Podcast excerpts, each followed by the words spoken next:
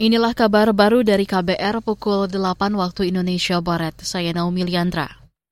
Saudara kalangan anggota Dewan mendorong pemerintah menindaklanjuti temuan pelanggaran hak asasi manusia HAM dalam kasus gangguan gagal ginjal akut progresif atipikal pada anak.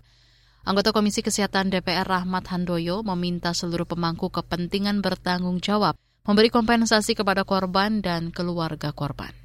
Eh, kalau toh tidak harus sampai seperti itu, yang paling penting adalah tidak sebatas soal minta maaf, tapi bagaimana masa depan anak-anak yang sakit itu. Kalau sebatas minta maaf, kemudian uh, pembiayaan tidak ada, kemudian masa depannya dan tanggung jawab untuk masa depan anak proses tidak ada eksekusi dari pemerintah sama saja. Justru yang paling penting ini bukan soal maaf atau tidak maaf, justru bagaimana agar satu yang pertama tidak terjadi kasus ini di kemudian hari terjadi lagi, yang kedua uh, kesiapsiagaan terhadap potensi kemungkinan terulang kembali.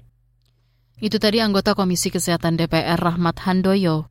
Sebelumnya Komisi Nasional Hak Asasi Manusia menemukan delapan pelanggaran dalam kasus gangguan ginjal akut pada anak.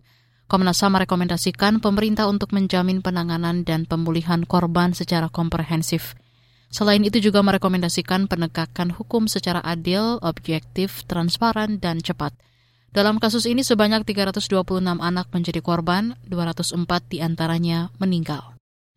Badan Meteorologi, Klimatologi, dan Geofisika BMKG mengingatkan sejumlah wilayah di Indonesia berpotensi mengalami hujan lebat pada hari ini. Dikutip dari laman resmi BMKG, diperkirakan hujan lebat berpotensi terjadi di sebagian besar wilayah Sumatera dari Aceh hingga Lampung. Hujan lebat juga terjadi di sebagian besar pulau Jawa seperti Banten, Jawa Barat, Jawa Tengah, dan Jawa Timur.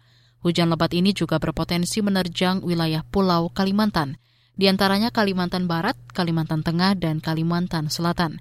Untuk wilayah timur, hujan lebat diperkirakan terjadi di Sulawesi Utara hingga Sulawesi Tengah, Maluku, Papua Barat, dan Papua. Badan Penanggulangan Bencana Daerah BPBD Jawa Tengah menyebut lima kabupaten terdampak abu vulkanik erupsi Merapi.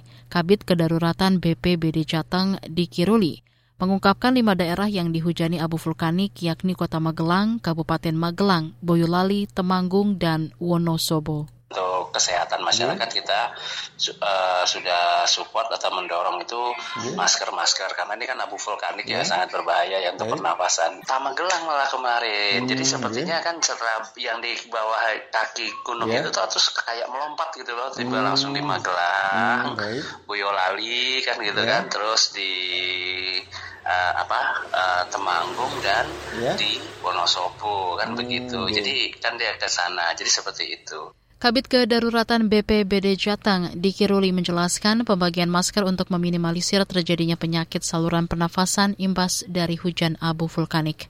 Hingga kemarin telah terjadi enam kali erupsi Gunung Merapi.